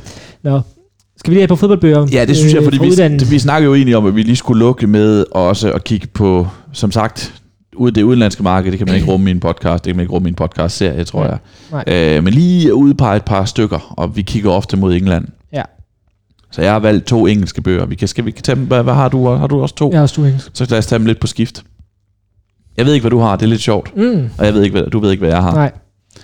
Jeg har valgt en, der hedder Late December Back in 63, The Boxing Day Football Went Gold Crazy, som er skrevet af Ian, Ian Davidson. Og den her, den kommer hvert år på Facebook og på Twitter og på andre sådan SoMe. Øh, så dukker den op, og så dukker den op igen et år senere, og så lader vi, som om vi ikke har set den før, og så bliver vi forbløffet over, hvor mange mål, der blev scoret på Boxing Day i 1963. Er du stødt ind i det? Ja, jeg godt, øh, der er noget, der ringer en klokke. Det, det, er, det er den der grafik, som man som altid, særligt den, den 26, øh, 26. december Boxing Day, får dukker op på Twitter, og så siger folk, hold op, hvor var der mange mål på Boxing Day i 19- 1963. Jeg har resultaterne. Blackpool, Chelsea 1-5, Burnley, Manchester United 6-1, Fulham, Ipswich 10-1, Leicester, Everton 2-0, Liverpool, Stoke 6-1, Nottingham Forest, Sheffield United 3-3, Sheffield Wednesday, Bolton 3-0, West Bromwich, Tottenham 4-4, West Ham, Blackburn 2-8, og Wolverhampton, Aston Villa 3-3. Og det, som sagt, det dukker altid op, så ser man lige den der grafik, og så går man videre med sit liv, og så dukker den op igen et år senere, og så tænker man, åh, det var vildt med den der Boxing Day. Og nu er der så en, der har fået den gode idé at skrive en bog om den. Fedt. Øh, jeg har tænkt, der er en risiko for, at der sker det samme som med A Tournament, Tournament Frozen in Time, at det ligesom bare er en opsummering, uden vi kommer dybere. Øh, og hvis det bare er det, så er grafikken, som man kan se på, på, på, på internettet, lige så god, så behøver jeg ikke mere. Men altså vil jeg faktisk ikke bruge 200 sider på at læse om det. Mm. Uh, men jeg har en forhåbning om, at den her kunne være bedre. Uh, Ian Davidson, han har i hvert fald skrevet masser af bøger, blandt andet om sådan noget som Voltaire og den franske revolution og sådan nogle ting. Uh, så har han en forhåbning om, at han ved, hvad han laver. Og sådan synes jeg, det, det, er- det er et perfekt juleønske. Altså det, så får man den den 24. december, to år senere, øh, to dage senere, så går man på Twitter, og så er der nogen, der siger, ej, se hvor mange mål, Ja, der blev scoret i, på Boxing Day i 1963, så kan man sige, ja, det ved jeg faktisk, hvad jeg sidder og, og læser om det i, i den bog, jeg fik juleaften. Ja, fedt. Mm. Og det, vi kan godt lide de der bøger, der er smalle. Nu må vi se, om det lever op til det. Ja, det er det. Det, det, det er fedt, når nogen kaster sig over det, ikke? Og, Det- men- og tør kaste sig ud i det. Det er også det, altså vi, kan, vi snakker om, at man kan skrive bøger om en slutrunde, eller om en klub, eller om en træner, eller man spiller her. Det er om Eller en, en, en, en, en, en, altså en position, Ja. skriver målmand, ikke? ja, det er om en dag. En dag, Ja, en runde i, ja, en- i engelsk fodbold, ikke? ja det, det er meget fedt. Det, det, det synes jeg er spændende. Ja. Jeg, har- jeg har jo gået lidt, øh, jeg har valgt at gå lidt bredt på i hvert fald den ene her. Øh, og det er, det er, jo- ligesom, nu har vi talt om to danske Liverpool-bøger. Og jeg tænker, det er, det er 2020, Liverpool har vundet det der skide mesterskab for 30 år siden. Jamen, så er vi nødt til, der er nogle danske bøger, men der er jo altså også nogle af dem, der er tæt på, øh, og der er blevet lavet rigtig mange på engelsk. Så jeg har valgt en, der hedder Believers, How Jurgen Klopp Transformed Liverpool into t- Title Winners. Mm. Jeg er ikke sikker på, at jeg selv kommer til at bestille den bog her, fordi på den ene side, så hænger det mig lidt ud af halsen, det der Liverpool, øh, må jeg indrømme, undskyld Liverpool-fans. Men på den anden side, det her det er Melissa Reddy, der har skrevet den. Hun er senior football correspondent øh, på, øh, på The Inde- Independent, Mm. og er en respekteret og anerkendt dygtig journalist, som, øh, som har ryget for, og, eller, som har lavet mange øh, dybdegående interviews med, med managers og sådan noget som, som journalist.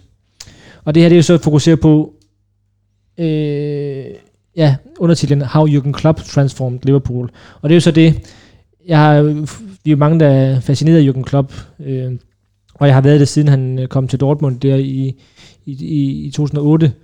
Øh, og øh, så, så, hvis det, så og den her bog, den skulle ligesom fokusere på, jamen, hans forvandling af Liverpool, og hvordan han gjorde Liverpool til mester, så vi, så selvom at Jürgen Klopp også næsten kan hænge mig lidt ud af halsen, fordi der bliver skrevet og sagt meget om ham, så vil jeg jo gerne øh, høre om ham, og, og hvordan han, og jeg håber, at den kan noget mere end, øh, noget mere noget andet end, end det, som øh, hans, om biografien, mm. som Rafael Honigstein øh, har lavet. Det er det jo så meget på Liverpool.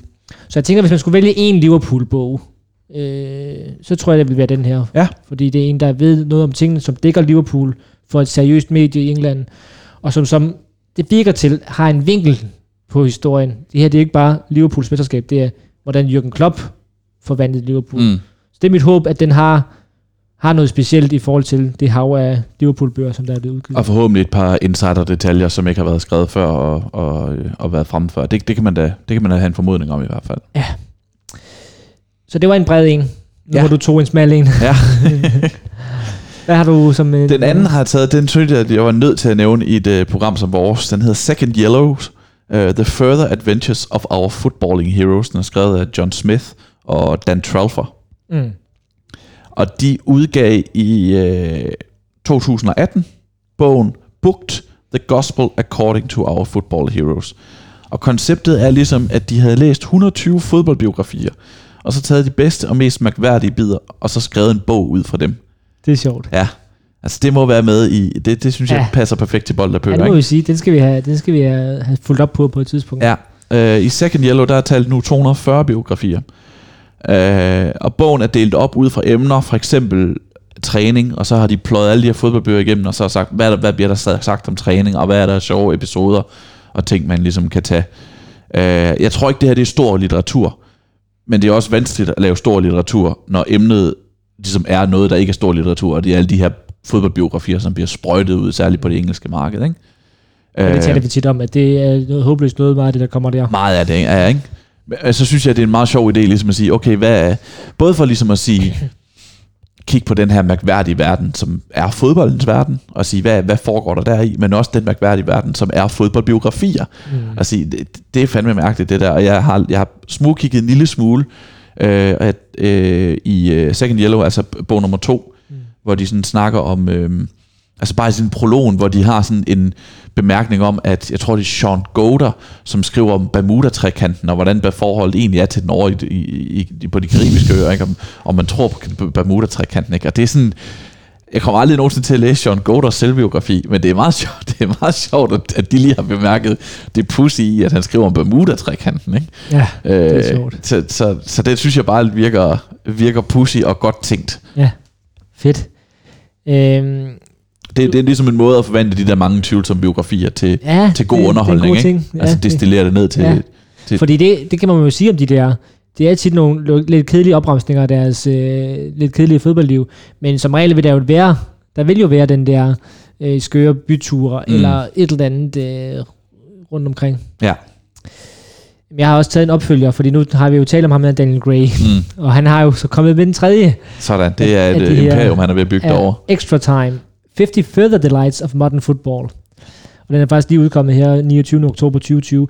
Så jeg tænkte, nu, nu kunne vi lige så godt få, få trilogien øh, nævnt alle tre bøger i vores podcast her. Og det er jo så... Øh, jamen, det er jo bare en opfølger til, til den første i virkeligheden, hvor, hvor toren jo lidt af noget andet, hvor, det, hvor han ja. bygger nostalgien. Så, så vil det her jo så være... Øh, ja, a further 50 short essays of prose Poetry dedicated to the game's charming. Technical minute late. Uh, og det er jo alt fra, hvad står der her? Ufortjente sejre og pitch invading animals og the rower after a minute silence. Altså det er, det er jo det der, han kan. Ja. og det, og det, ja, det er lige de der små detaljer, som... Det er rigtigt. The rower after a minute silence. Det, ja. er, det er faktisk en specielt, det der, der har stillhed, så ah, nu skal ja, vi i gang. Nu er vi der, ikke? Ja. Og, ja. Kom så, gutter! ja, hvor fedt. Ja. Så, og jeg har jo de to, jeg købte de to der samlet, så nu, den skal jeg også have. Så jeg igen, samlinger i samlingen. Ja, ja, det er perfekt. Oh, ja. Ej, jeg elsker bøger. ja. Og så er det godt, at vi kommer til at, at tale mere om fodboldbøger om en måned igen. Det gør vi. Vi vender ah, tilbage om en måned, der er i fem dage før jul. Jeg håber, vi får det klaret inden. Det satser vi på. Det, øh, der har vi en, en, en, en gæst lined op. Mm. Håber vi på, at det kan lade sig gøre at få, få ind her og lave en ny udgave af Bold og Bøger med. i december. Men nu skal vi sige tak for i dag. Vi vil rigtig gerne høre, hvad I ønsker jer, så vi jo, vores Twitter er åben. Man kan godt tagge os. og ellers bruger vi jo hashtagget bold og bøger. Er der andet, vi skal sige, inden jeg begynder på min ramse her til sidst? Nej, det tror jeg ikke. Tak for lige at lytte med. Vi håber, I har fået noget god inspiration til, øh, til, til, til, til ønskesedlerne derude. Ja. Øh, vi håber, I husker at ønske, ønske nogle bøger. Og husk at bruge juledagen, når vi når dertil, til at få læst. Jule, ja. December måned er også en god, rigtig måned, god måned til at læse bøger Og, i. og vi er jo allermest til, til, de, til de bøger her, som man kan gøre sådan noget her med. Og man kan Det kan vi, dem ved kan vi og, godt lide. og dufte i. Men der er jo også nogen, der er til lydbøger Mm. mm. og til, øh, til e-bøger, og dem kan man jo finde inde på vores, øh, hos vores kanalpartner, eller også vores partner, BookBeat, som er partner på Bold og Bøger. Øh, Det er inde på bookbeat.dk-mediano, at man kan få en måneds gratis abonnement, som jo giver adgang til over 100.000 bøger. Tak til dem, og tak til Arbejdernes Landsbank, der er kanalpartner her på Mediano-magasinet. Som sagt er vi tilbage i december, og det er med en gæst. Vi hedder Sebastian og Martin. Tak fordi I lyttede med.